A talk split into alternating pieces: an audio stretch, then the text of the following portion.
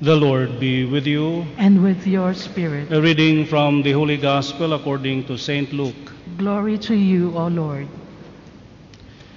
Tax collectors and sinners were all drawing near to listen to Jesus. But the Pharisees and scribes began to complain, saying, This man welcomes sinners and eats with them.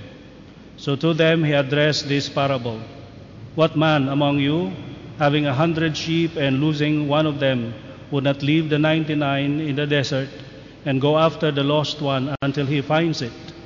And when he does find it, he sets it on his shoulders with great joy. And upon his arrival home, he calls together his friends and neighbors and says to them, Rejoice with me because I have found my lost sheep. I tell you, in just the same way, there will be more joy in heaven over one sinner who repents than over 99 righteous people who have no need of repentance. Or what woman, having ten coins and losing one, would not light a lamp and sweep the house, searching carefully until she finds it? And when she does find it, she calls together her friends and neighbors and says to them, Rejoice with me because I have found a coin that I lost. In just the same way, I tell you, there will be rejoicing among the angels of God over one sinner who repents. Then he said, A man had two sons, and the younger son said to his father, Father, give me the share of your estate that should come to me. So the father divided the property between them. After a few days, the younger son collected all his belongings and set off to a distant country, where he squandered his inheritance on a life of dissipation. When he had freely spent everything, a severe famine struck that country, and he found himself in dire need. So he hired himself out to one of the local citizens, who sent him to his farm to tend the, the swine. And he longed to eat his fill on the pods on which the swine fed, but nobody gave him away any. Coming to his senses, he thought, How many of my father's hired workers have more than enough food to eat, but here am I dying from hunger. I shall get up and go to my father and shall say to him, Father, I have sinned against heaven and against you. I no longer deserve to be called your son. Treat me as one, as you would treat one of your hired workers. So he got up and went back to his father. While he was still a long way off, his father caught sight of him and was filled with compassion.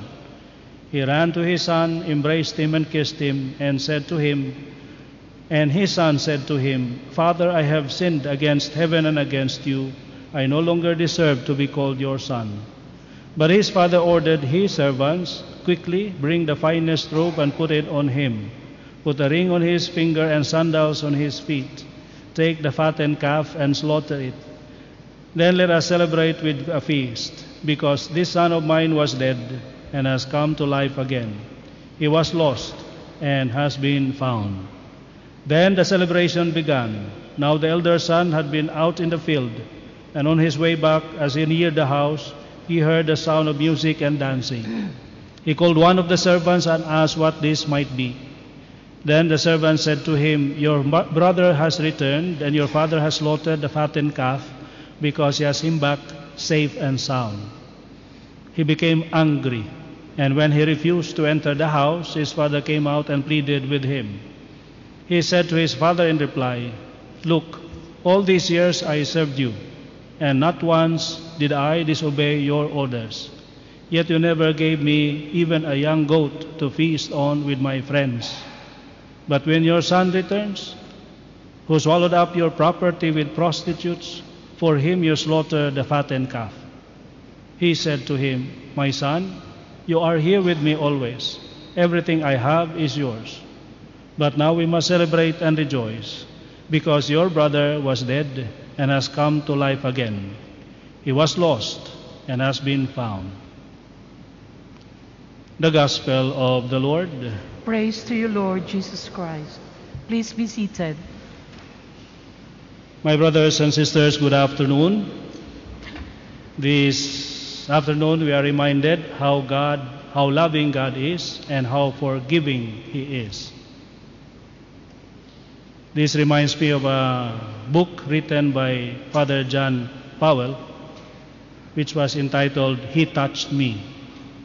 Now, this book uh, is a personal recollection of Father Powell about his own experience of God's forgiveness. And for him to be able to point out that, he candidly wrote in this book his weaknesses, his failures and failings. But after writing the book and was about to publish it, he thought to himself, uh, through this act, I would make myself very vulnerable. People would know my weaknesses, and sometimes they might miss the point, but simply look at my failings and failures. So at the end of the book, he wrote, Some of the admissions I have made in these pages came hard for me. I hope that you will accept what I have written as I have intended it, as an act of love. Now the question is, why telling your weaknesses and then of course your failings, failures, and eventual triumphs? An act of love. Because this is one way of imitating our Lord Jesus Christ. How, what did our Lord Jesus Christ do in order for us to be saved? He did not mind his reputation be tarnished. Yeah, people might misunderstood him because he dined with sinners. Tax collectors, sinners will all drawing near to listen to Jesus. That's why people have doubts about our Lord Jesus Christ. Why associate with sinners? But our Lord Jesus Christ did not mind that because when He came, He was not after promoting Himself. If people will, misunderstand, it's up to them. The thing is, He has His mission and even to the, to the point of sacrificing Himself. So, Father John Powell uh, sacrificed Himself only to be able to reach out to others and to touch them. After some time, of course, after the publication of the book, many people were touched, they were humbled, and they also shared generously their own stories. Now, one of the those who, who wrote back Father Powell narrated her life, her story, and her story was that he really, she really considered herself a failure, a sinner, and who has done so much evil things in this world. That's why he con- she contemplated of ending up his life, committing suicide by drowning in the middle of the ocean. So while on her way, she was walking on the shoreline and bidding goodbye to this world when she heard a voice telling her, Stop, turn back and look down. Stop, turn back and look down. So she stopped, she turned back, looked down and she saw on the uh, sand her footprints, but only for some time. Why? Because the waves from the ocean wash it off. And after seeing that, he heard another voice uh, telling her that just as you see the waves of the ocean washing away your footprints on the sand, so has my love and mercy erased all your past sins. I am calling you to live and to love, not to die. I am calling you to live and to love, not to die. Now, this is the message for all of us today that God really loves us even more than we love ourselves. And He understands us more than we understand ourselves. And He is ready to forgive us more than we are ready to forgive ourselves or to ask for forgiveness. Ah, that's why there is no reason for us to give up, to give up on ourselves, to give up on others. In fact, this is there is more reason for us to really fight for ourselves, fight for others. But sometimes we end up so scandalized by others or by ourselves. One day, one penitent approached me, and after confessing her sins, which are really, really serious ones, she ended up asking me and this question Father, can really God forgive me? Ah. Apparently, he was, she was so humble, asking for forgiveness. But actually, at the end, from that question, he was quite proud. She was proud that her sins is bigger than God's forgiveness when she doubted. We cannot be proud before God. Oh, my sin so grave, so big, so huge, and your forgiveness just little cannot forgive me. No. God's forgiveness, God's love. He does not simply love us like this, He loved us like this, meaning He died for us. He already proved it to us. Then why doubt?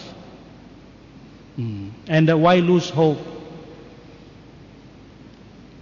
As human beings, we have our shares of shortcomings, yes. We have our weaknesses, yes. But our weaknesses and our uh, shortcomings becomes our strength.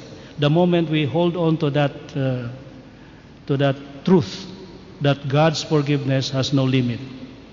Meaning to say, we have our way of turning back. In fact, that's one of the misgivings of the devils, the fallen angels, so to speak.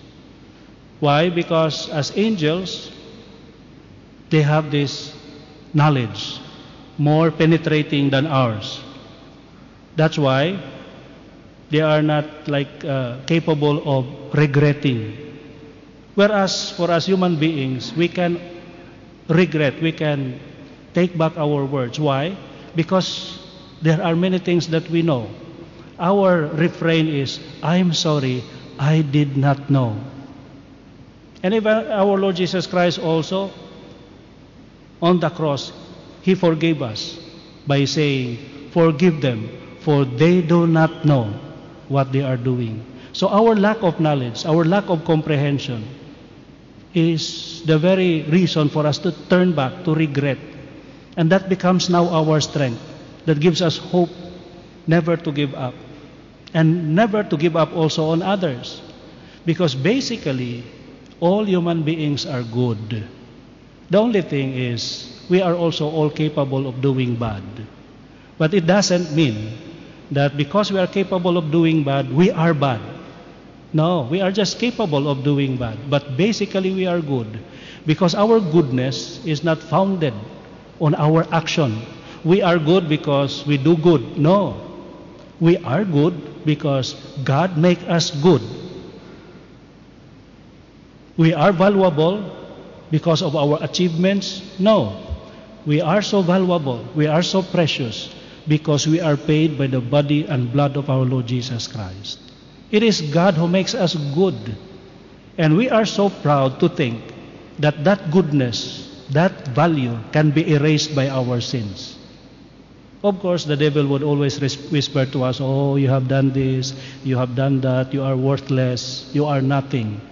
As if every time we sin, the 100% value that we have becomes 80, 60, then 10, then negative 20. Some people are walking around with that self worth of negative 20. That's why they gave up. Why, why would I fight for myself when my value is negative 20? I have already done this. So that terlanjur. It's already done. What else can I do? The, the answer is just turn back. U turn. That's a blessing. There's a U turn. We can change and then our our weakness becomes our strength. Our Lord has asked, who is more grateful? The one whose sin, small sin forgiven or the ones whose big sins, serious sins were forgiven? Of course, the one whose sins major sins are forgiven. That's why it's a way to gratitude. That's why the invitation for us today never give up on ourselves, never give up on others, because God never gives up on us. And we cannot totally exhaust God's love and God's mercy. Though how much we sin, we can still be forgiven. Although there is one sin that cannot be forgiven, and not because God does not forgive us, but because we do not forgive ourselves. And that is the sin against the Holy Spirit. The Holy Spirit already promised us, already ushers us back to God. And we refuse, no, no, my sin is too great, God's mercy is too small. And that's the sin against the Holy Spirit. Remember always, God's mercy is so abundant. One image is that, oh, I am likened to a, to a bucket full of holes. And God's forgiveness is like a water. You pour into the bucket, the water will just exit out and I cannot collect anything. Uh, that's underestimating God's mercy.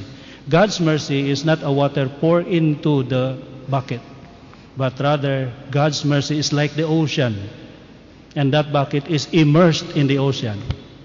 So even the holes becomes an entry point for God's mercy, God's goodness. So that's how great our God is. So never give up on ourselves, for God never gives up on us. Amen. Tuhan bersamamu. dan bersama rohmu. Inilah Injil suci menurut Santo Lukas. Dimuliakanlah Tuhan. Sekali peristiwa para pemungut cukai dan orang-orang berdosa datang kepada Yesus untuk mendengarkan dia. Lalu bersungut-sungutlah orang-orang Farisi dan ahli-ahli Taurat katanya, ia menerima orang-orang berdosa dan makan bersama-sama dengan mereka. Lalu Yesus menyampaikan perumpamaan ini kepada mereka. Siapakah di antara kamu yang mempunyai seratus ekor domba lalu kehilangan eko, seekor? Tidak meninggalkan yang sembilan ekor di padang gurun dan pergi mencari orang sesat itu sampai dia menemukannya. Kalau telah menemukannya, ia lalu meletakkan domba itu di atas baunya dan gembira. Dengan gembira dan saat tibanya di rumah, ia memanggil sahabat-sahabat dan tetangga-tetangganya, serta berkata kepada mereka, Bersukacilalah bersama aku, sebab aku telah menemukan dombaku yang hilang itu. Aku berkata kepadamu, demikian juga akan ada sukacita di surga, karena satu orang berdosa yang bertobat lebih daripada sukacita karena 99 orang benar yang tidak memerlukan pertobatan. Atau perumpamaan manakah yang mempunyai sepuluh dirham lalu kehilangan satu di antaranya tidak menyalakan pelita dan menyapu rumah serta mencarinya dengan cermat sampai dia menemukannya. Kalau ia telah menemukannya, ia memanggil sahabat-sahabat dan tetangga-tetangganya serta berkata, Bersukacitalah bersama aku sebab aku telah menemukan dirhamku yang hilang itu. Aku berkata kepadamu, Demikian juga akan ada sukacita pada malaikat-malaikat Allah karena satu orang berdosa yang bertobat. Yesus berkata lagi, ada seseorang mempunyai dua anak laki-laki, kata yang bungsu kepada bapaknya, Bapa berikanlah kepadaku bagian harta milik yang menjadi hakku. Lalu bapaknya membagikan harta kekayaan itu di antara mereka, dan beberapa hari kemudian anak bungsu itu menjual seluruh bagiannya, bagiannya lalu pergi ke negeri yang jauh. Di sana ia memboroskan harta miliknya itu dengan hidup berfoya-foya. Setelah dihabiskan semua harta miliknya, timbullah bencana kelaparan di dalam negeri itu, dan ia pun mulai melarat. Lalu ia pergi ke bekerja pada seorang warga di negeri itu Orang itu menyuruhnya ke ladang untuk menjaga babinya. Lalu ingin ia ingin mengisi perutnya dengan ampas yang menjadi makanan babi itu. Tetapi tidak seorang pun memberikan sesuatu kepadanya. Lalu ia dari keadaannya katanya, Betapa banyaknya orang upahan bapakku yang berlimpah-limpah makanannya, tetapi aku di sini mati kelaparan. Aku akan bangkit dan pergi kepada bapakku dan berkata kepadanya, Bapa, aku telah berdosa terhadap surga dan terhadap Bapa. Aku tidak layak lagi disebut anak Bapa. Jadikanlah aku sebagai salah seorang upahan Bapa. Lalu bangkitlah ia dan pergi kepada bapaknya. Ketika ia masih jauh, bapaknya telah melihat dia. Lalu tergeraklah hatinya oleh belas kasihan Bapak itu berlari mendapatkan dia lalu merangkul dan mencium dia. Kata anak, anak itu kepadanya, Bapakku telah berdosa terhadap surga dan terhadap Bapak. Aku tidak layak lagi disebut anak Bapak. Tetapi Bapak itu berkata kepada hamba-hambanya, lekaslah bawa kemari pakaian yang terbaik. Pakaikanlah itu kepadanya. Kenakanlah cincin pada jarinya dan sepatu pada kakinya. Ambillah anak lembu yang gemuk itu. Sambililah dan marilah kita makan dan bersuka cita. Sebab anakku ini telah mati dan menjadi hidup kembali. Ya telah hilang dan didapat kembali. Lalu mulailah mereka bersukaria. Tetapi anaknya yang sulung sedang berada di ladang. Ketika pulang dan dekat ke rumah, ia mendengar suara musik dan nyanyian tari-tarian. Lalu ia memanggil salah seorang hamba dan bertanya kepadanya, apa arti semuanya itu? Jawab hamba itu, adikmu telah kembali dan ayahmu telah menyambili anak lembu gemuk karena ia mendapatkan kembali anak itu dalam keadaan sehat. Maka marahlah anak sulung itu dan ia tidak mau masuk. Lalu bapaknya keluar dan membujuk dia. Tetapi ia menjawab bapaknya, katanya, telah bertahun-tahun aku melayani engkau dan belum pernah aku melanggar perintahmu. Tetapi kepadaku belum pernah engkau memberikan seekor anak kambing pun untuk bersukacita dengan sahabat-sahabatku. Tetapi baru saja datang anakmu yang telah memburuskan harta kekayaanmu bersama-sama dengan pelacur-pelacur, maka engkau mengambil anak lembu gemuk itu untuk dia. Kata bapaknya kepadanya, Anakku, engkau selalu bersama-sama dengan aku, dan segala milikku adalah milikmu. Kita patut bersukacita dan bergembira, karena adikmu telah mati dan menjadi hidup kembali ya telah hilang dan didapat kembali. Demikianlah sabda Tuhan. Terpujilah Kristus. Saudara-saudara yang terkasih, selamat malam semuanya. Mungkin tadi bisa lihat ya saya ke altar lagi cari doa pembukaan. Karena yang disiapkan itu bukan buat hari ini, 9 ah, Oktober 20, 2020 ini buat buat bulan depan. Jadi bacaannya beda.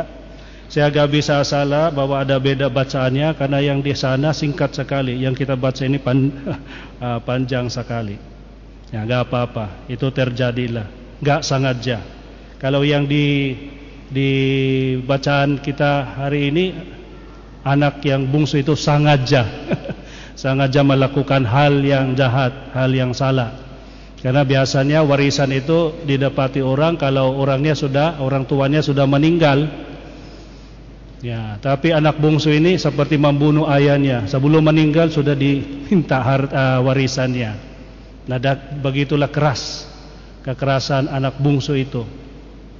Apakah ada orang seperti itu? Ya, tapi itu hasilnya perumpamaan. Maksudnya orang atau kita manusia bisa menjadi seperti itu.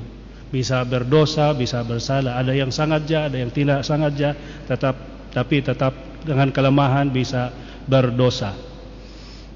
Nah, ada si John Powell, Romo, seorang Romo tapi penulis. Dia menulis buku. Buku berjudul Dia Menyentuh Saya. He touched me. Ya. Nah, dalam buku itu dia nulis uh, pengalamannya sendiri di mana dia dengan kelemahan sebagai manusia berdosa. Dan dia mengakui mengakui itu dan nulis itu. Dan sebelum dia mempublisikan buku itu, dia berpikir, nah ada bahaya sini. Karena tentu saja kalau ini dibaca orang lain yang gak memahami tujuannya mungkin bisa menghina saya karena reputasi saya hancur gara-gara dengan pengakuan saya juga. Jadi dia tulis itu uh, di bukunya sebelum dia mempublisikan itu uh, dia nulis uh,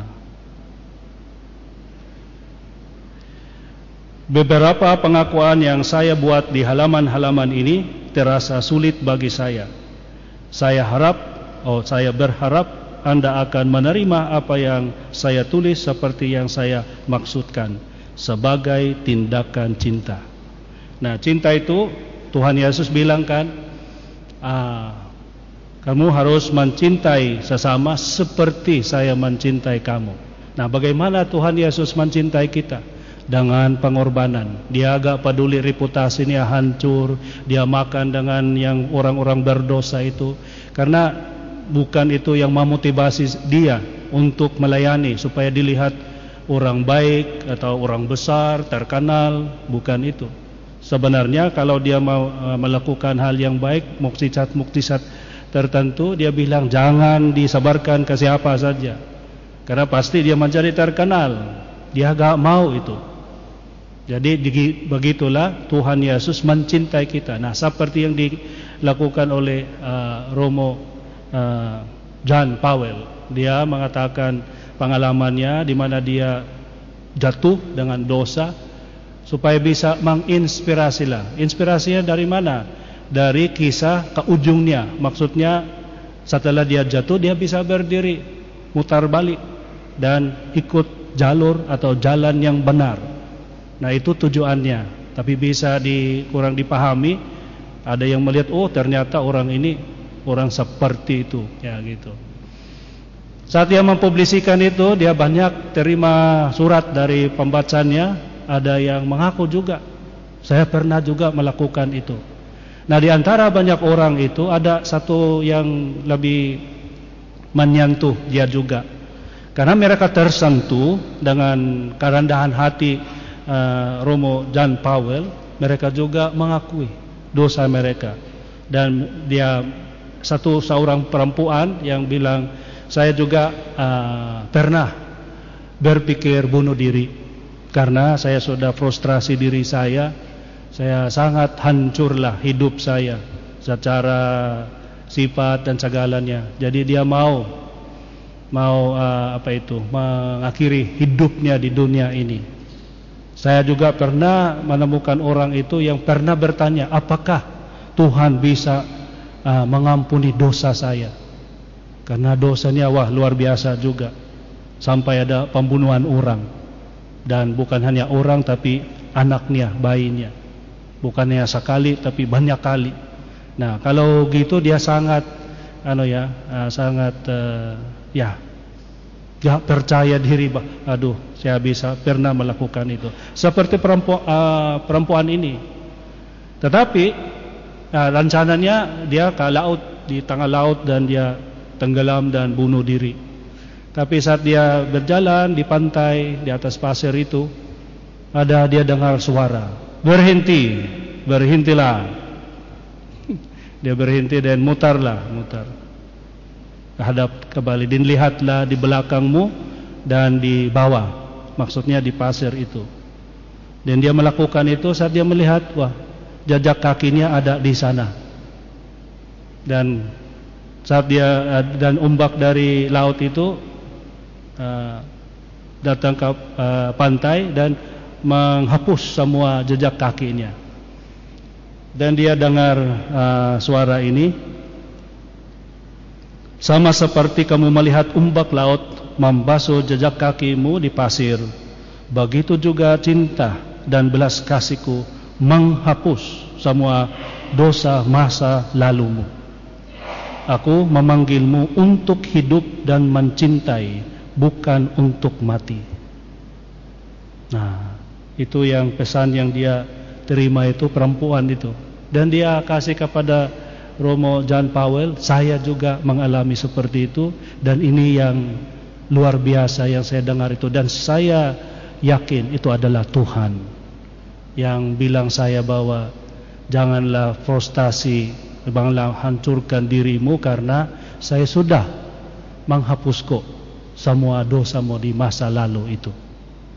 Nah, seperti yang digambarkan karena saya tergoda nanti berhenti di tengah karena panjang sekali tapi uh, yang beberapa menit yang kita pakai itu untuk mendengar sabdanya Tuhan lebih berguna daripada kita hapus itu karena benar-benar tiga perumpamaan ini menggambarkan betapa besar cintanya Tuhan kepada kita.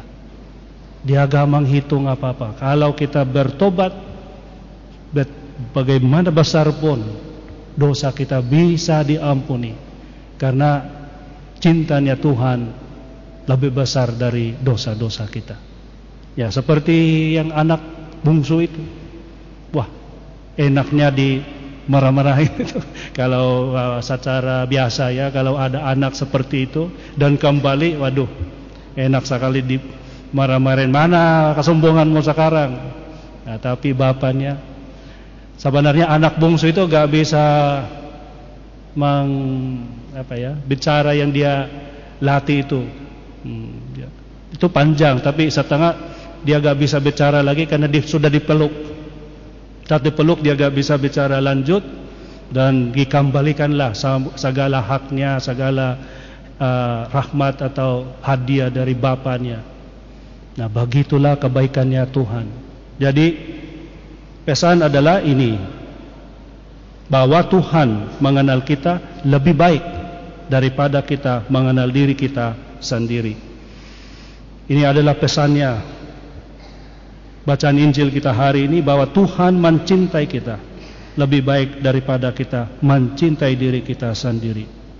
Inilah adalah pesan bahwa Tuhan lebih ingin mengampuni kita daripada kita meminta pengampunan dosa-dosa kita. Jadi jangan frustrasi, jalanlah. Jalan saja. Kalau kita jatuh, ya berdirilah. Kalau jatuh lagi, berdiri lagi, jatuh lagi, berdiri lagi. Mengapa? Karena Tuhan itu sangat mencintai dan Dia selalu menunggu. Seperti Bapak di sini. Siapa yang apa yang terjadi? Masih dia mau datang, belum datang, belum tiba, tapi sudah uh, dilihat oleh bapaknya karena bapaknya selalu menunggu kapan saja anak saya kembali. Nah, itulah yang luar biasa kebaikannya Tuhan. Kita ditunggu, ditunggu. Kapan saja kembali. Seperti yang ada anak muda itu yang uh, ya dia mem, buka, mematikan uh, bebek bebek neneknya. Dan gak sangat jago karena dia pakai ano itu yang uh, slingshot. Nah, saya gak tahu apaannya tapi pokoknya bebek neneknya mati dan dia lihat kiri kanan gak ada orangnya. Jadi dia sembunyikan itu di atas kayu-kayu uh, itu. Tapi yang melihat dia kakaknya. Dan kakaknya seperti kepala bebek juga hmm, Sekarang saya punya alasan untuk anu uh, megang dia. Karena waktu ibunya setelah makan malam, oh Shirley, uh, suci piring. Oh, ya uh, Robert, ya adiknya bilang dia yang mau suci piring. Uh, enggak lah. Tapi adiknya, uh, kakaknya bilang ingatlah bebe. Jadi Robert itu uh, terpaksa ya oke okay lah ya. dan besok uh, mamanya Shirley uh, sapu di uh, rumah dalam rumah oh Robert bilang dia mau sapu-sapu Robert mau mengeluh tapi ya ingatlah bebeknya bebek dia ada takut di ano di apa ya kasih tahu bahwa dia membunuh bebek neneknya tapi neneknya itu lihat saja lihat senyum Akhirnya si Robert itu gak bisa ya mengakui dosanya ke neneknya. Nenek, mohon maaf. Mengapa? Karena kemarin, ya kemarin apa? Saya gak sengaja membunuh bebeknya, bebeknya nenek. Dan neneknya bilang, ya saya tahu. Karena waktu itu saya di atas juga melihat apa yang kau lakukan. Saya hanya nunggu kapan engkau mengakui dosamu. Nah ini kebaikannya Tuhan. Dia tahu kok kesalahan kita. Tapi dia saling menunggu. Hanya kalau kita bertobat dan percayalah. Kebaikannya Tuhan, cintanya Allah lebih besar dari dosa-dosa kita. Amin. Tuhan bersamamu dan bersama rohmu. Inilah Injil suci menurut Santo Lukas. Dimuliakanlah Tuhan. Sekali peristiwa, para pemungut cukai dan orang-orang berdosa datang pada Yesus untuk mendengarkan dia. Lalu bersungut-sungutlah orang Farisi dan ahli-ahli Taurat. Katanya, ia menerima orang-orang berdosa dan makan bersama-sama dengan mereka. Lalu Yesus menyampaikan perumpamaan ini kepada mereka. Siapakah di antara kamu yang mempunyai seratus ekor domba, lalu kehilangan seekor, tidak meninggalkan yang sembilan puluh sembilan ekor di padang gurun, dan pergi mencari yang sesat itu sampai dia menemukannya? Kalau telah menemukannya, ia lalu meletakkan domba itu di atas bahunya dengan gembira. Dan setibanya di rumah, ia memanggil sahabat-sahabat dan tetangga-tetangganya, serta berkata kepada mereka, Bersukacitalah bersama aku, sebab aku telah menemukan dombaku yang hilang itu. Aku berkata kepadamu, demikian juga akan ada sukacita di surga, karena satu orang berdosa yang bertobat, lebih daripada sukacita karena 99 orang benar yang tidak memerlukan pertobatan? Atau perempuan manakah yang mempunyai sepuluh dirham lalu kehilangan satu di antaranya, tidak menyalakan pelita dan menyapu rumah, serta mencarinya dengan cermat sampai dia menemukannya? Kalau ia telah menemukannya, ia memanggil sahabat-sahabat dan tetangga-tetangganya serta berkata, Bersukacitalah bersama aku, sebab aku telah menemukan dirhamku yang hilang itu. Aku berkata kepadamu, demikian juga akan ada sukacita pada malaikat-malaikat Allah, karena satu orang berdosa yang bertobat. Yesus berkata lagi, ada seseorang mempunyai dua anak laki-laki. Kata yang bungsu kepada bapaknya, Bapa, berikanlah kepadaku bagian harta milik yang menjadi hakku. Lalu bapaknya membagi-bagikan harta kekayaan itu di antara mereka. Beberapa hari kemudian anak bungsu itu menjual seluruh bagiannya, lalu pergi ke negeri yang jauh. Di sana ia memboroskan harta miliknya itu dengan hidup berfoya-foya. Setelah dihabiskan semua harta miliknya, timbullah bencana kelaparan di dalam negeri itu. Dan ia pun mulai melarat. Lalu ia pergi dan bekerja pada seorang warga di negeri itu. Orang itu menyuruhnya ke ladang untuk menjaga babinya. Lalu ia ingin mengisi perutnya dengan ampas yang menjadi makanan babi itu. Tetapi tidak seorang pun memberikan sesuatu kepadanya. Lalu ia menyadari keadaannya, katanya, Betapa banyaknya orang upahan Bapakku yang berlimpah-limpah makanannya, tetapi aku di sini mati kelaparan. Aku akan bangkit dan pergi kepada Bapakku dan berkata kepadanya, Bapa, aku telah berdosa terhadap surga dan terhadap Bapa Aku tidak layak lagi disebut anak Bapa. Jadikanlah aku sebagai salah seorang upahan Bapa. Lalu bangkitlah ia dan pergi kepada bapaknya. Ketika ia masih jauh, bapaknya telah melihat dia. Lalu tergeraklah hatinya oleh belas kasihan. Bapak itu berlari mendapatkan dia, lalu merangkul dan mencium dia. Kata anak itu kepadanya, "Bapak, aku telah berdosa terhadap surga dan terhadap Bapa. Aku tidak layak lagi disebut anak Bapa. Tetapi Bapa itu berkata kepada hamba-hambanya, Lekaslah, bawa kemari pakaian yang terbaik. Pakaikanlah itu kepadanya. Kenakanlah cincin pada jarinya dan sepatu pada kakinya. Ambillah anak lembu yang gemuk itu, sembelihlah dan marilah kita makan dan bersuka cita. Sebab anakku ini telah mati dan menjadi hidup kembali. Ia telah hilang dan didapat kembali. Lalu mulailah mereka bersukaria. Tetapi anaknya yang sulung sedang berada di ladang. Ketika pulang dan dekat rumah, ia mendengar suara musik dan nyanyian tari-tarian. Lalu ia memanggil salah seorang hamba dan bertanya kepadanya, "Apa arti semuanya itu?" Jawab hamba itu, "Adikmu telah kembali dan ayahmu telah menyembelih anak lembu gemuk karena ia mendapatkan kembali anak itu dalam keadaan sehat." Maka marahlah anak sulung itu dan ia tidak mau masuk. Lalu bapaknya keluar dan membujuk dia. Tetapi ia menjawab bapaknya, katanya, Telah bertahun-tahun aku melayani engkau, dan belum pernah aku melanggar perintahmu.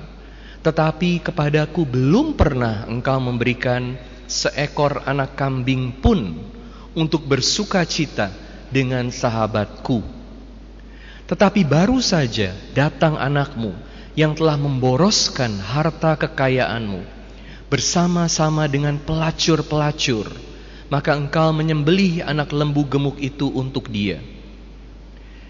Kata bapaknya kepadanya, Anakku, engkau selalu bersama-sama dengan aku, dan segala milikku adalah milikmu. Kita patut bersuka cita dan bergembira, karena adikmu telah mati dan menjadi hidup kembali. Ia telah hilang dan didapat kembali. Demikianlah sabda Tuhan. Terpujilah Kristus. Anakku, engkau selalu bersama-sama dengan aku, dan segala milikku adalah milikmu. Saudara-saudari sekalian terkasih dalam Kristus, Injil yang sangat panjang hari ini mengingatkan kita bahwa kita semua berharga di mata Tuhan. Bukan karena kita hebat, tetapi karena Tuhan mencintai kita. Pertama saya mau mengajak Anda untuk melihat tentang yang hilang. Kedua, tentang yang ditemukan. Dan ketiga, tentang yang bersuka cita. Yang hilang, yang ditemukan, dan yang bersuka cita. Tiga kali dalam Injil hari ini kita mendengar ritme yang sama. Hilang, ditemukan, dan bersuka cita. Ini berbicara tentang hidup kita sebagai manusia. Ingat bahwa Tuhan menciptakan kita semua untuk ikut ambil bagian dalam hidupnya Tuhan, dan Dia mau berbagi kepada kita, seperti Bapa yang baik. Dalam Injil hari ini kita mendengar bagaimana Yesus mengatakan, Bapa itu katakan kepada anaknya, "Semua milikku." adalah milikmu. Jadi Tuhan mau berbagi. Tuhan mau supaya hidup kita dipenuhi dengan kelimpahan. Tuhan mau supaya kita bersuka cita dalam hidup kita. Tapi apa yang kita lakukan? Seringkali kita pergi dari rumah. Kita pergi meninggalkan Tuhan. Seperti anak yang bungsu dalam Injil hari ini dia pergi meninggalkan bapaknya. Padahal hidup bersama bapaknya ini adalah hidup yang sangat indah. Dia jadi anak yang hilang, seperti domba yang hilang dan dirham yang hilang. Dalam hidup kita juga menjumpai banyak jiwa yang hilang, the lost soul, jiwa yang hilang. Apa sih artinya jiwa yang hilang? Jiwa yang hilang adalah jiwa yang hidup dalam dosa. Orang yang hidup dalam dosa memilih untuk memuaskan dirinya dengan ciptaan, bukan dengan Sang Pencipta. Sekali lagi, memilih ciptaan daripada Sang Pencipta. Ciptaan ini terbatas. Sang Pencipta tidak terbatas. Tetapi bodohnya manusia memilih ciptaan untuk memuaskan hatinya, untuk mengisi kekosongan hidupnya. Seperti anak yang bungsu, dia ambil semua warisan yang dia pikir adalah haknya. Dia jual dan dia nikmati hidupnya dengan berfoya-foya. Kita manusia juga punya kekosongan dalam diri kita, dalam hati kita. Bagaimana kita mengisinya? Banyak yang hanya sekedar mencari harta. Sangat berambisi, berpikir kalau aku sudah kaya, aku bisa bersuka cita. Tapi ternyata sesudah kaya juga jauh dari sukacita. Oh, begini aja. Malah yang ada ribut sana sini. Malah yang ada menjadi sombong. Ada yang mengejar kenikmatan duniawi. Karena punya banyak uang, bisa melakukan banyak hal yang memberi kenikmatan. Tetapi pertanyaannya, apakah ini sungguh membawa sukacita dalam hidup kita? Yang pasti adalah dosa selalu membawa kehancuran. Sekali lagi, dosa selalu membawa kehancuran. Hidup yang menderita disebabkan karena kita tidak hidup sesuai dengan rencana Tuhan. Kita tidak hidup sesuai dengan hukum Tuhan. Makanya lihat orang-orang yang sudah diberkati dengan banyak uang. Kan sudah diberkati. Tetapi karena tidak hidup sesuai dengan hukum Tuhan, yang ada adalah keserakahan. Bisa bahagia gak? Gak bisa bahagia. Bisa merayakan hidupnya gak? Gak bisa merayakan hidupnya. Ada banyak keluarga yang dipenuhi dengan harta. Tetapi ternyata tidak bisa saling mencintai satu dengan yang lain. Malah selalu bingung bagaimana supaya bisa dapat lebih banyak dan lebih banyak lagi. Tidak ada sukacita dalam hidupnya. Yang ada adalah kekhawatiran, ketakutan. Jadi dosa menghancurkan kita. Mau hidup enak-enakan aja seperti dalam Injil hari ini, berfoya-foya. Apa akibatnya?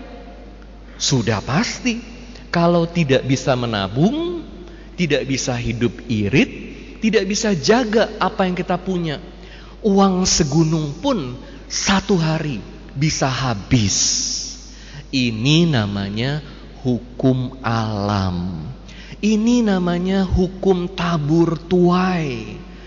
Kalau kita tidak hidup sesuai dengan hukum alam yang Tuhan sudah kasih, gimana bisa hidup dengan baik, merayakan hidup? Uang pasti habis, hidup pasti hancur. Maka jiwa yang hilang adalah jiwa yang lari dari Tuhan. Kabar gembiranya adalah kita semua dipanggil untuk kembali kepada Tuhan. Kalau kita kembali kepada Tuhan, ini artinya kita sudah ditemukan oleh Tuhan. Kita bekerja sama dengan Tuhan.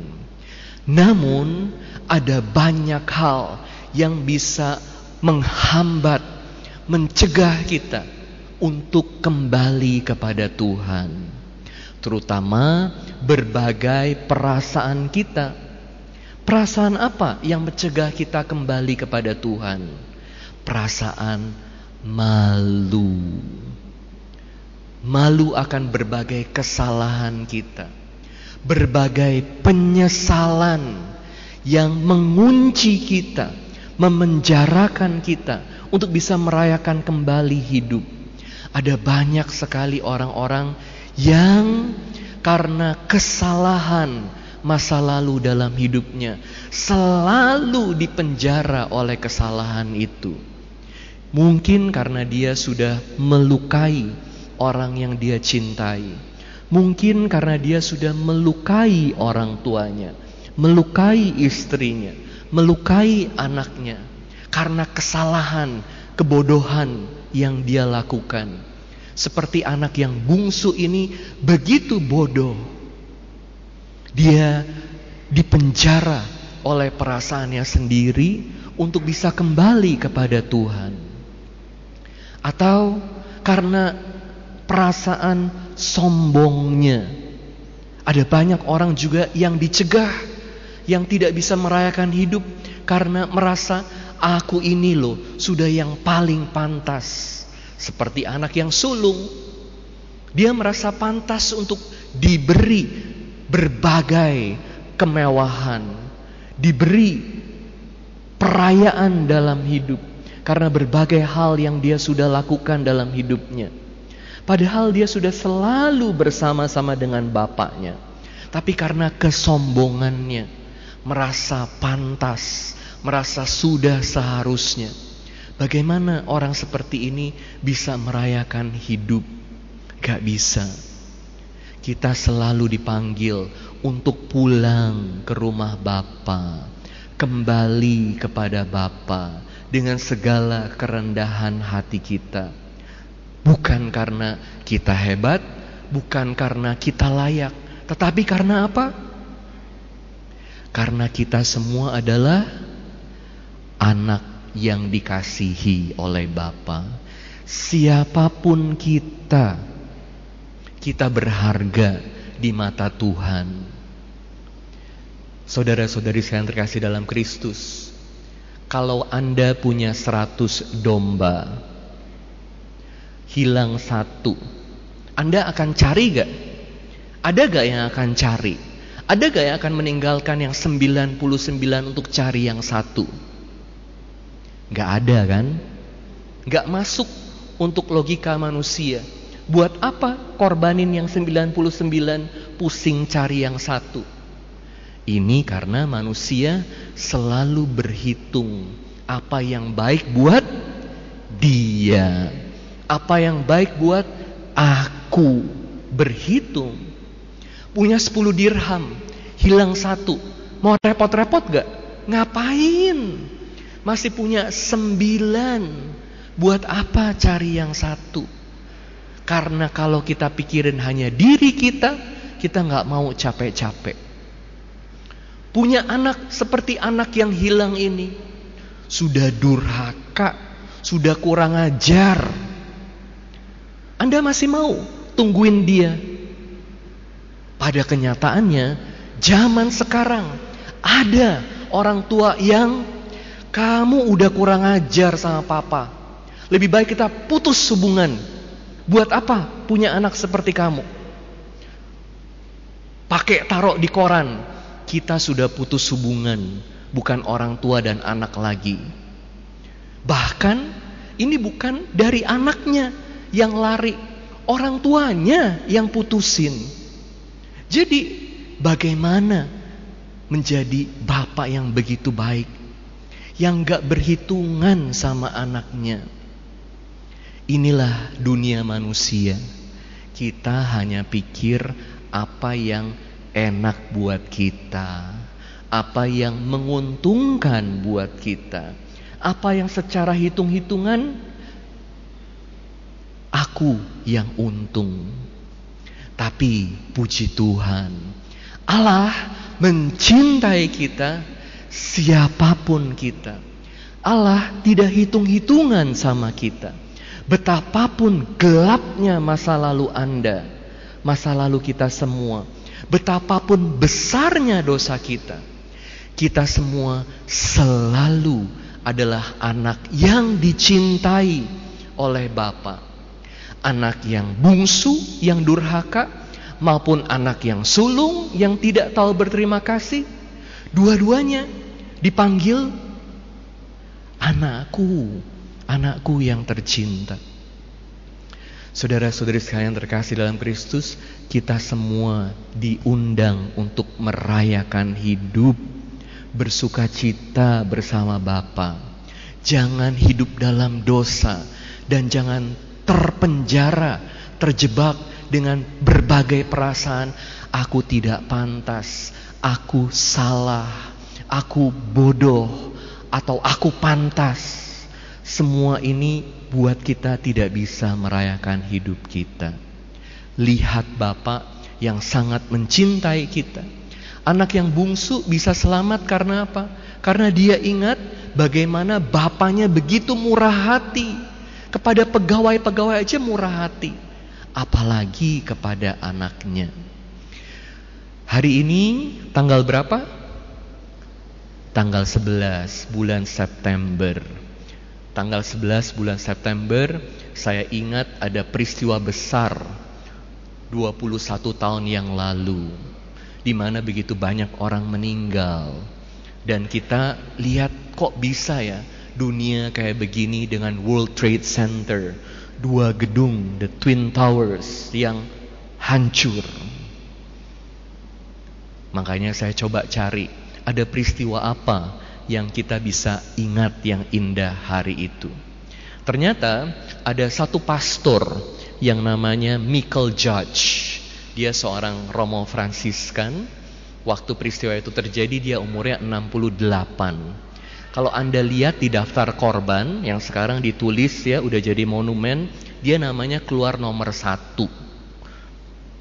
Jadi waktu peristiwa itu terjadi, dia ada di gerejanya dan waktu dia tahu dua gedung ini diserang, tentu dia yang adalah bagian dari pemadam kebakaran New York, dia cepat-cepat datang ke tempat kejadian.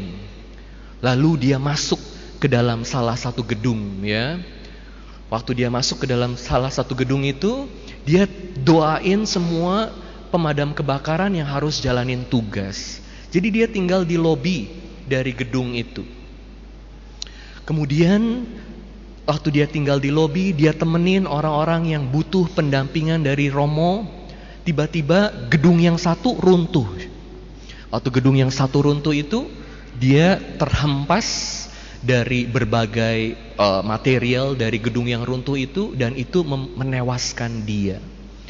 Waktu teman-temannya lihat, langsung dia dibawa keluar dari gedung dan itu jadi foto yang sangat terkenal bagaimana Father Mikal ini memberikan hidupnya buat banyak orang yang terjebak di dalam gedung World Trade Center itu. Kemudian kita tahu belakangan gedung yang satu lagi itu juga roboh, hancur. Jadi ada banyak orang yang katakan Father Mikal ini seharusnya jadi santo dari September 11. Tapi bagaimana sih hidupnya dia ini? Father Mikal itu dikenal sebagai seorang yang sangat penuh dengan sukacita. Dia selalu mau memberikan hidupnya buat orang lain yang membutuhkan, terutama yang sangat membutuhkan perhatian, yang lagi depresi, yang lagi nggak ada pengharapan. Tapi Father Mikal sendiri itu bukan pribadi yang tanpa kekurangan. Dia waktu masih muda terlibat dengan alkohol, kecanduan alkohol. Dan Anda tahu orang yang kecanduan alkohol itu sulit sekali untuk memutuskan ketergantungan pada kecanduannya itu. Bar, sering kali sampai gemeter bahkan ya. Kalau lihat alkohol itu mau minum dan tahan diri untuk tidak minum luar biasa sulitnya. Jadi Father Mikal sampai akhir hidupnya selalu ikut yang namanya alkohol anonimus untuk tahan diri dia supaya tidak tergantung pada alkohol sampai akhir hidupnya. Dia dampingin orang lain tapi dia juga dampingi diri dia.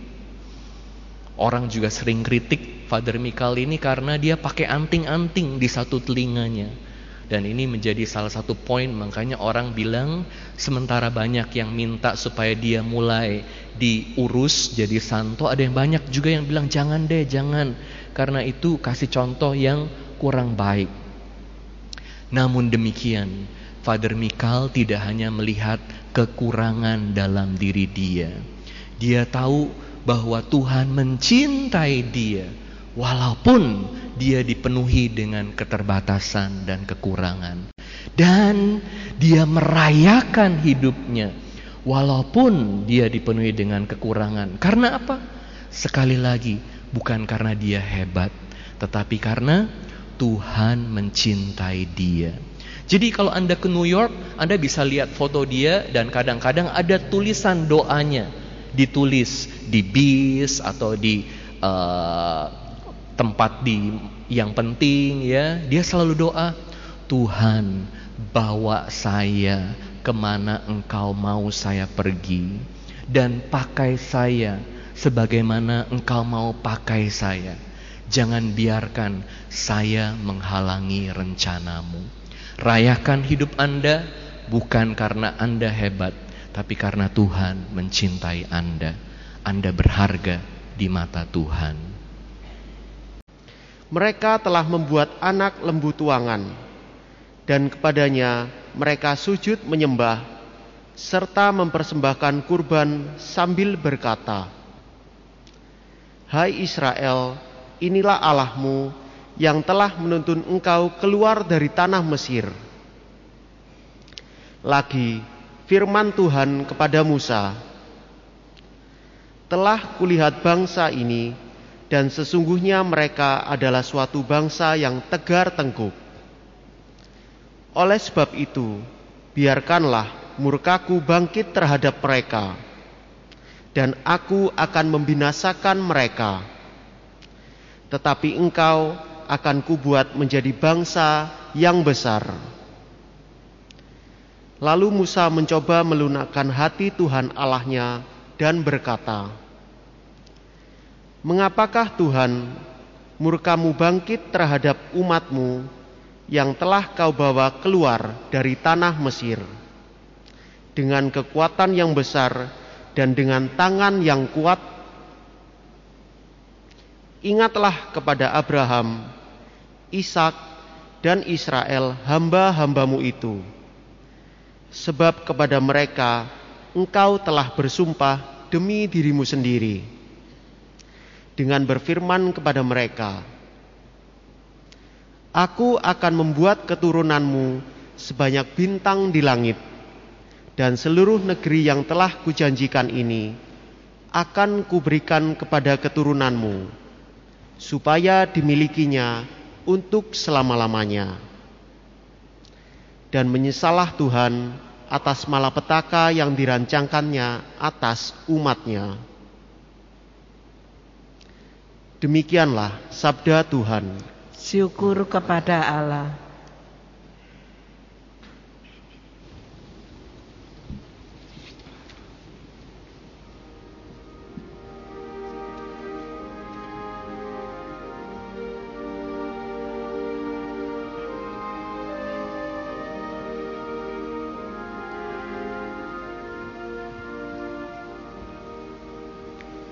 Aku akan bangkit dan kembali pada Bapakku.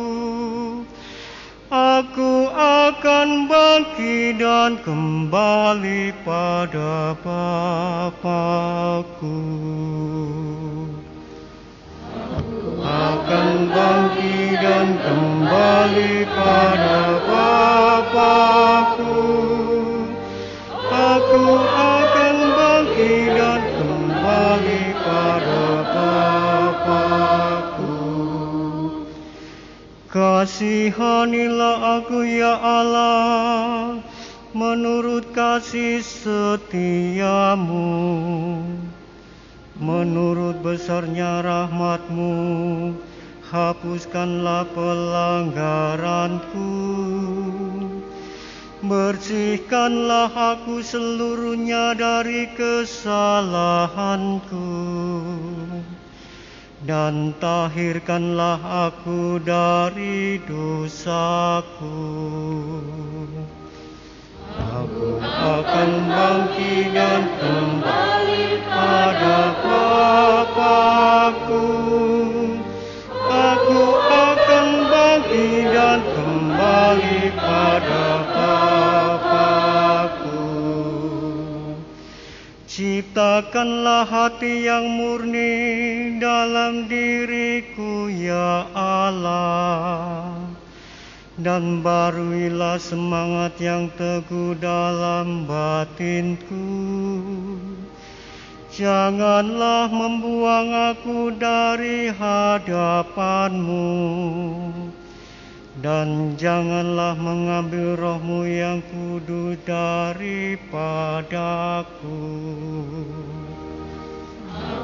akan bangkit dan kembali pada Bapakku. Aku akan bangkit dan kembali pada Bapakku. Ya Tuhan bukalah bibirku supaya mulutku mewartakan puji-pujian kepadamu. Persembahanku kepadamu ialah jiwa yang hancur, hati yang remuk redam, tidak akan kau pandang hina ya Allah. Aku akan bangkit dan kembali pada Bapakku. Aku akan bangkit dan kembali pada Bapakku.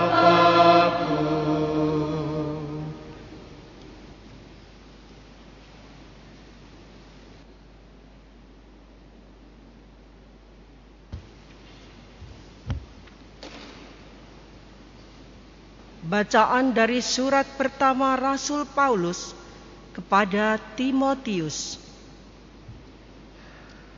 Saudaraku terkasih, aku bersyukur kepada Kristus Yesus Tuhan kita yang menguatkan aku karena ia menganggap aku setia dan mempercayakan pelayanan ini kepadaku. Padahal tadinya aku seorang penghujat dan seorang penganiaya yang ganas. Tetapi kini aku telah dikasihinya. Karena semuanya itu telah kulakukan tanpa pengetahuan, yaitu di luar iman. Malahan kasih karunia Tuhan kita itu telah dilimpahkan kepadaku bersama dengan iman dan kasih dalam Kristus Yesus. Sabda ini benar dan patut diterima sepenuhnya, yaitu bahwa Kristus Yesus datang ke dunia untuk menyelamatkan orang-orang berdosa. Tetapi justru karena itu, aku dikasihani agar dalam diriku sebagai orang yang paling berdosa ini Yesus Kristus menunjukkan seluruh kesabarannya.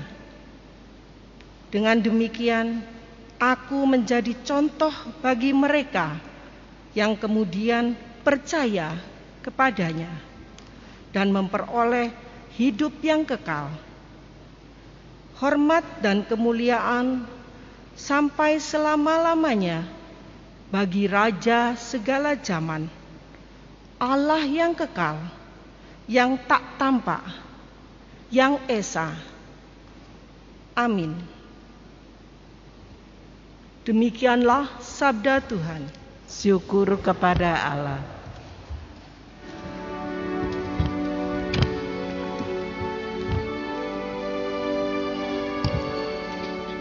Alleluia, Alleluia.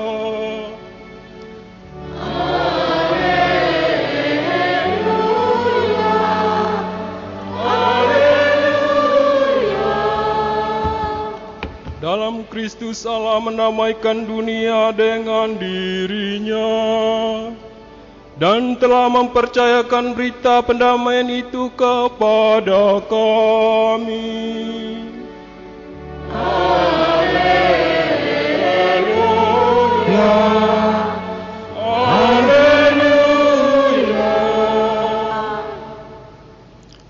Tuhan dan bersamamu. Dan bersama Inilah Injil suci menurut Lukas. Dimuliakanlah Tuhan. Para pemungut cukai dan orang-orang berdosa biasa datang kepada Yesus untuk mendengarkan dia. Maka bersungut-sungutlah orang-orang Farisi dan ahli-ahli Taurat. Katanya, ia menerima orang-orang berdosa dan makan bersama-sama dengan mereka. Maka Yesus menyampaikan perumpamaan ini kepada mereka. Siapakah di antara kamu yang mempunyai seratus ekor domba, lalu kehilangan seekor, tidak meninggalkan yang 99 ekor di padang gurun dan pergi mencari yang sesat itu, sampai ia menemukannya. Dan kalau telah menemukannya, ia lalu meletakkan domba itu di atas bahu dengan gembira. Dan setibanya di rumah, ia memanggil sahabat-sahabat dan tetangganya, serta berkata, Bersukacitalah bersama aku, sebab dombaku yang hilang telah kutemukan. Aku berkata kepadamu, demikian juga akan ada sukacita di surga karena satu orang berdosa yang bertobat. Lebih daripada sukacita karena 99 orang benar yang tidak memerlukan pertobatan. Atau perempuan manakah yang mempunyai 10 dirham, lalu kehilangan satu di antaranya, tidak menyalakan pelita dan menyapu rumah, serta mencarinya dengan cermat sampai ia menemukannya. Dan kalau telah menemukannya, ia memanggil sahabat-sahabat dan tetangga-tetangganya serta berkata, Bersukacitalah bersama aku, sebab dirhamku yang hilang itu telah kutemukan. Aku berkata kepadamu, demikian juga akan ada sukacita pada malaikat-malaikat Allah, karena satu orang berdosa yang bertobat. Yesus berkata lagi, ada seorang mempunyai dua anak laki-laki. Kata yang bungsu kepada ayahnya, Bapa, berikanlah kepadaku bagian harta milik kita yang menjadi hakku. Lalu ayahnya membagi-bagikan harta kekayaan itu di antara mereka. Beberapa hari kemudian anak bungsu itu menjual seluruh bagiannya itu, lalu pergi ke negeri yang jauh. Di sana ia memboroskan harta miliknya itu dengan hidup berfoya-foya. Setelah dihabiskan semua harta miliknya, timbullah bencana kelaparan di dalam negeri itu, dan ia pun mulai melarat. Lalu ia pergi dan bekerja pada seorang majikan di negeri itu. Orang itu menyuruhnya ke ladang untuk menjaga babi. Lalu ia ingin mengisi perutnya dengan ampas yang menjadi makanan babi itu tetapi tidak seorang pun memberikannya kepadanya. Lalu ia menyadari keadaannya, katanya, Betapa banyaknya orang upahan Bapakku yang berlimpah-limpah makanannya, tetapi aku di sini mati kelaparan. Aku akan bangkit dan pergi kepada Bapakku dan berkata kepada Bapa, Aku telah berdosa terhadap surga dan terhadap Bapa Aku tidak layak lagi disebut anak Bapa. Jadikanlah aku sebagai salah seorang upahan Bapa. Maka bangkitlah ia dan pergi kepada bapaknya. Ketika ia masih jauh, ayahnya telah melihat dia. Lalu tergerak, tergeraklah hatinya oleh belas kasihan. Ayah itu berlari mendapatkan dia lalu merangkul dan mencium dia. Kata anak itu kepadanya, Bapa, aku telah berdosa terhadap surga dan terhadap Bapa. Aku tidak layak disebut anak Bapa. Tetapi ayah itu berkata kepada hamba-hambanya, Lekaslah bawa kemari jubah yang terbaik, kenakanlah itu kepadanya, pasanglah cincin pada jaring dan sepatu pada kakinya, dan ambillah anak lembu tambun itu, sembelihlah dia dan marilah kita makan dan bersuka cita.' Sebab anakku ini telah mati dan menjadi hidup kembali. Ia telah hilang dan didapat kembali. Maka mulailah mereka bersukaria. Tetapi anaknya yang sulung sedang berada di ladang. Ketika pulang dan dekat di rumah, ia mendengar bunyi seruling dan nyanyian tari-tarian. Lalu ia memanggil salah seorang hamba dan bertanya kepadanya, "Apa arti semua itu?" Jawab hamba itu, "Adikmu telah kembali dan ayahmu telah menyembelih anak lembu tambun, karena ia mendapatkan kembali anak itu dengan sehat." Maka marahlah anak sulung itu dan ia tidak mau masuk. Lalu ayahnya keluar dan berbicara dengan dia. Tetapi ia menjawab ayahnya, katanya, Telah bertahun-tahun aku melayani Bapa dan belum pernah aku melanggar perintah Bapa. Tetapi kepadaku belum pernah Bapa memberikan seekor anak kambing pun untuk bersuka cita dengan sahabat-sahabatku. Tetapi baru saja datang anak Bapa yang telah memboroskan harta kekayaan Bapa bersama dengan pelacur-pelacur. Maka Bapa menyembelih anak lembu tambun itu untuk dia. Kata ayahnya kepadanya, Anakku, engkau selalu bersama-sama dengan aku, dan segala kepunyaanku adalah kepunyaanmu. Kita patut bersuka cita dan bergembira, karena adikmu telah mati dan menjadi hidup kembali. Ia telah hilang dan didapatkan kembali. Demikianlah sabda Tuhan. Terpujilah Kristus.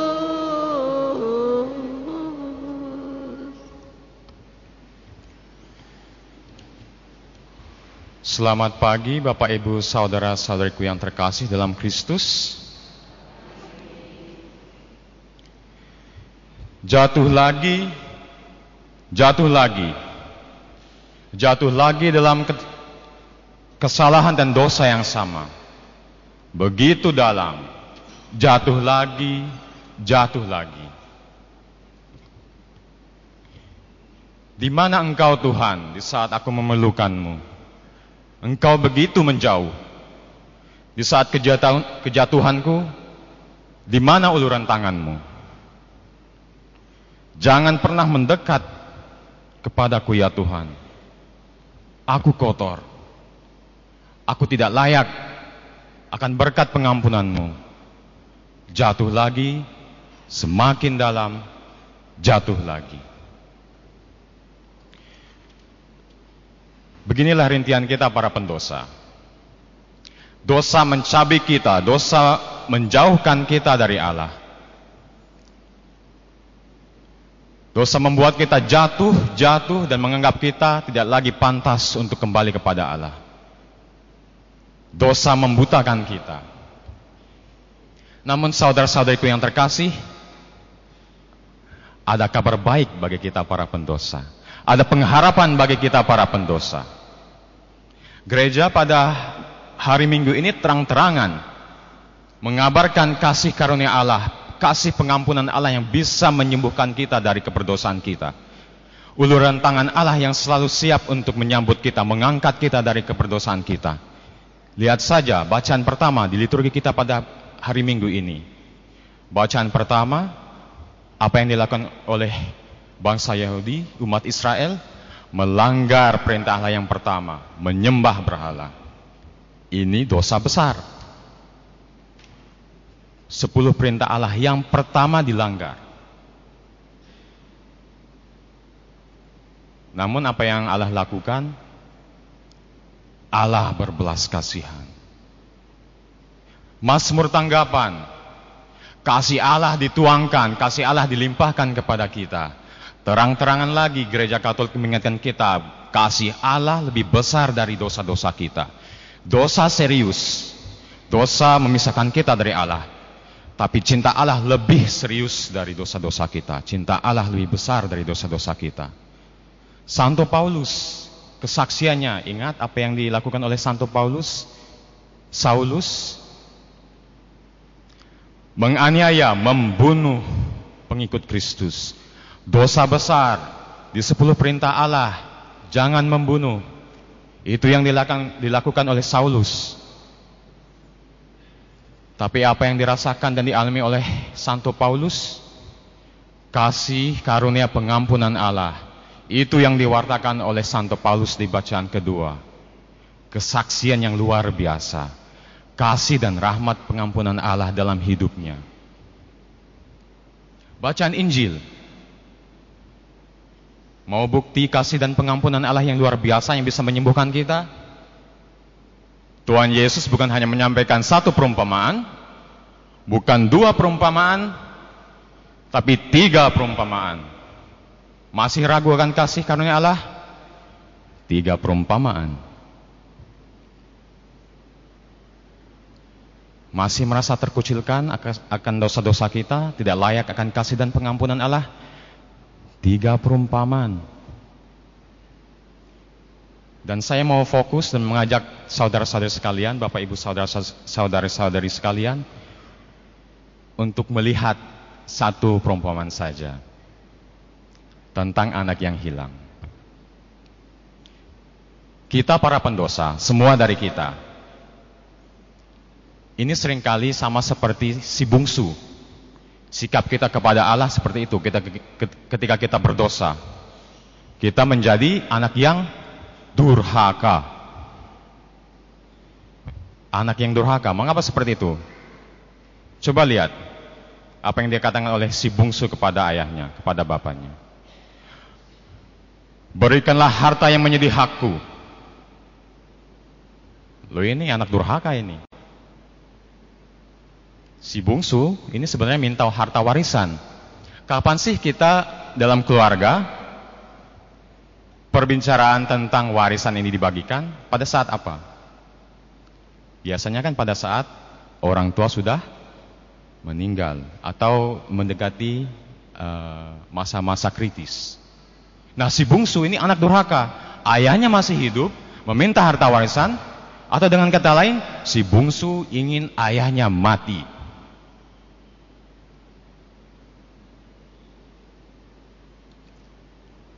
Ini anak durhaka. Dosa itu seperti itu. Ketika kita ingin supaya hidup kita senang-senang, berfoya-foya, bisa menikmati hidup, apa yang kita lakukan? Tidak ada moralitas. Tidak ada baik dan buruk. Allah kita matikan. Itu yang kita lakukan. Itu yang kita lakukan. Tetapi ada kabar baik. Ketika setan memanggil kita dengan segala dosa-dosa kita, Allah memanggil kita dengan nama yang ia berikan kepada kita. Dan apakah nama itu? Anakku yang terkasih. Sekali lagi ketika setan memanggil kita dengan dosa-dosa kita, dengan segala kesalahan-kesalahan kita, dengan segala kelemahan-kelemahan kita, Allah memanggil kita dengan nama yang telah Ia berikan kepada kita, anakku yang terkasih. Dan kita lihat apa yang terjadi pada si bungsu. Ia hidup berfoya-foya dan apa yang terjadi? Ia jatuh dalam kemiskinan. Itu yang dilakukan oleh dosa kepada kita. Jatuh menjadi kotor si bungsu sampai pada saat kelaparan yang sangat-sangat berat, ia hampir saja makan ampas yang sebenarnya diperuntukkan kepada babi. Itu yang dosa lakukan kepada kita. Status kita sebagai anak terkasih jatuh menjadi sama seperti babi. Sama seperti hewan. Kotor.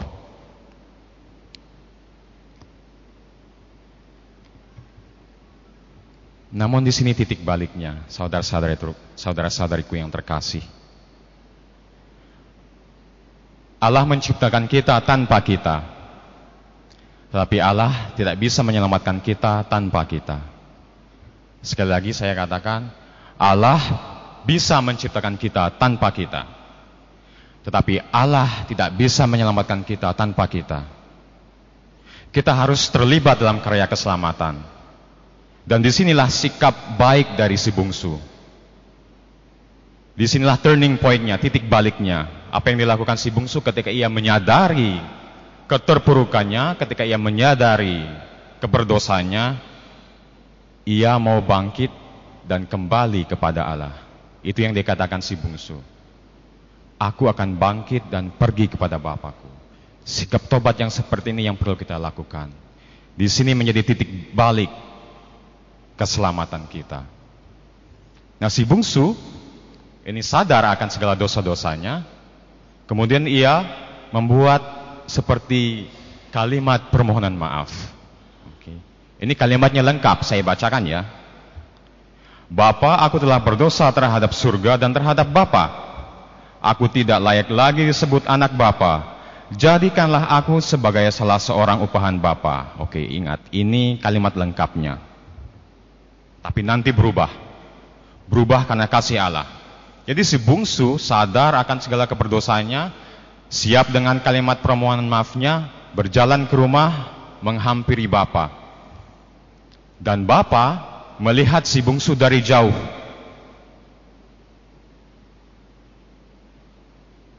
Dosa menjauhkan kita dari Allah. Kita memilih untuk menjauhkan diri kita dari Allah. Tapi Allah dari jauh telah melihat kita. Allah tidak pernah meninggalkan kita. Dan lihat apa yang Allah lakukan. Kita nggak tahu seberapa lama si bapak ini menunggu si bungsu, tapi kita yakin Sejak pada hari si bungsu memutuskan untuk pergi dari rumah, hari itu juga si bapak menunggu si bungsu, anak yang hilang ini untuk kembali. Saat kita berdosa, saat kita melakukan dosa-dosa kita, saat itu juga Allah menunggu kita untuk kembali.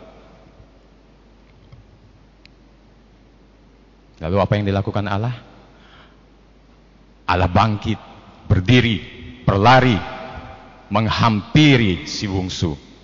Jadi Allah kita bukan Allah yang diam, Allah yang berdiri dan berlari menghampiri kita ketika kita berdosa, merangkulnya, mencium kita, memberikan kita jubah, memberikan kita cincin, memberikan kita sepatu, memberikan kita anak lembu tambun. Status kita yang kita anggap sebagai hewan, sama seperti hewan, diangkat kembali menjadi anak Allah yang terkasih. Cinta kasih Allah luar biasa. Cinta kasih Allah luar biasa. Kalau ada namanya cinta mati, ya ini bukti cinta mati yang sesungguhnya. Allah nggak mau kita mati, Allah nggak mau kita hilang. Allah bahkan rela mati supaya kita nggak mati mati di salib untuk menyelamatkan kita. Ini cinta mati yang sesungguhnya. Sungguh luar biasa kasih Allah. Sungguh luar biasa kasih Allah. Saudara-saudariku yang terkasih, mari buka hati kita. Mari sadari pada saat keterpurukan kita, jangan lupa kita telah diciptakan Allah kita telah disapa dan dipanggil Allah dengan nama yang paling indah, anakku yang terkasih. Pada saat-saat kelemahan kita, keperdosaan kita, jangan pernah lupa, hanya kita yang capek akan kasih karunia Allah. Hanya kita yang bosan akan kasih karunia Allah. Tapi Allah sendiri gak pernah capek dan bosan untuk begitu memaafkan kita, untuk mengasihani kita. Camkan itu, ingat selalu. Allah nggak mau kita mati. Allah mau kita hidup. Pertanyaan saya, Bapak Ibu saudara-saudara yang terkasih, kapan terakhir Bapak Ibu saudara-saudara terkasih menerima sakramen tobat? Mari kita bersama si bungsu menyiapkan hati kita untuk sakramen tobat, kembali kepada Bapa, kita berkata, Allah, aku mau bangkit dan kembali kepadamu. Dan Allah kita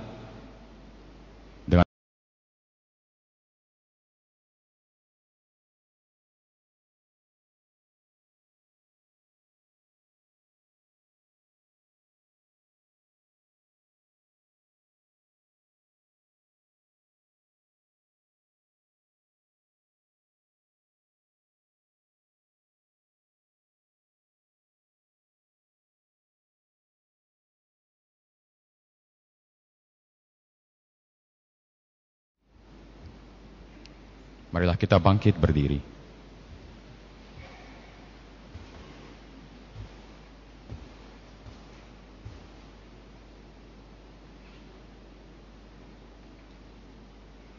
Mari kita menyatakan syahadat iman kita. Aku percaya akan Allah, Bapa yang, Maha Kuasa, pencipta langit dan bumi, dan akan Yesus Kristus, putranya yang tunggal Tuhan kita, yang dikandung dari Roh Kudus, dilahirkan oleh perawan Maria, yang menderita sengsara dalam pemerintahan Pontius Pilatus, disalibkan, wafat dan dimakamkan, yang turun ke tempat penantian pada hari ketiga bangkit dari antara orang mati, yang naik ke surga duduk di sebelah kanan Allah Bapa yang Maha Kuasa. Dari situ ia akan datang mengadili orang hidup dan mati. Aku percaya akan Roh Kudus, Gereja Katolik yang kudus, persekutuan para kudus, pengampunan dosa, kebangkitan badan, kehidupan kekal. Amin. Sambil menyadari bahwa kita berdosa, marilah berpaling kepada Allah Bapa kita yang berbelas kasih, yang tidak pernah memungkin, memungkiri kita. Marilah kita berseru kepadanya, Allah yang berbelas kasih, bantulah gereja. Tuhan, menagru, Tuhan menanugerahi kekudusan bagi gereja karena kekudusan dirinya. Gereja juga terdiri dari kita orang-orang berdosa. Allah yang berbelas kasih, bantulah gereja agar selalu bersedia mengakui dan mengoreksi kesalahan-kesalahan yang pernah dilakukan, agar dapat menjadi tanda rekonsiliasi di dunia. Kami mohon. Kabulkanlah doa kami ya Tuhan. Tuhan menganugerahkan rahmat bagi mereka yang tabah dan gigih dalam memperjuangkan dan menegakkan keadilan dan solidaritas kepada mereka yang miskin dan tertindas oleh sesamanya yang haus. Allah yang berbelas kasih, bantulah mereka yang dengan tabah dan gigih memperjuangkan dan menegakkan keadilan dan mengembangkan kesetiakawanan dengan sesamanya tanpa pamrih, kendati harus menghadapi aneka tantangan dan kesulitan. Kami mohon. Kabulkanlah doa kami ya Tuhan. Bermacam persoalan sering menimbulkan konflik dan pertikaian di antara orang-orang, sehingga menimbulkan sakit hati dan tidak mau bicara lagi satu sama lain. Allah yang berbelas kasih, Bantulah mereka yang sakit hati dan tersinggung saat mengatasi kesombongan hati mereka dan mengambil langkah pertama ke arah rekonsiliasi. Kami mohon. Kabulkanlah doa kami ya Tuhan. Kita semua umat Kristiani yang ada di sini dan semua kelompok umat Kristiani dipanggil untuk menjadi yang pertama mewartakan kedamaian dan rekonsiliasi. Allah yang berbelas kasih Bantulah kami agar tak pernah menyatakan putus hubungan dengan siapa pun juga, dan bersedia memberi kesempatan dan semangat baru kepada mereka yang pernah bersalah, serta menyambut mereka kembali di tengah-tengah kami. Kami mohon. Kabulkanlah doa kami ya Tuhan. Untuk seluruh intensi misa kita pada pagi hari ini, intensi komunitas kita, keluarga kita, dan intensi pribadi kita masing-masing.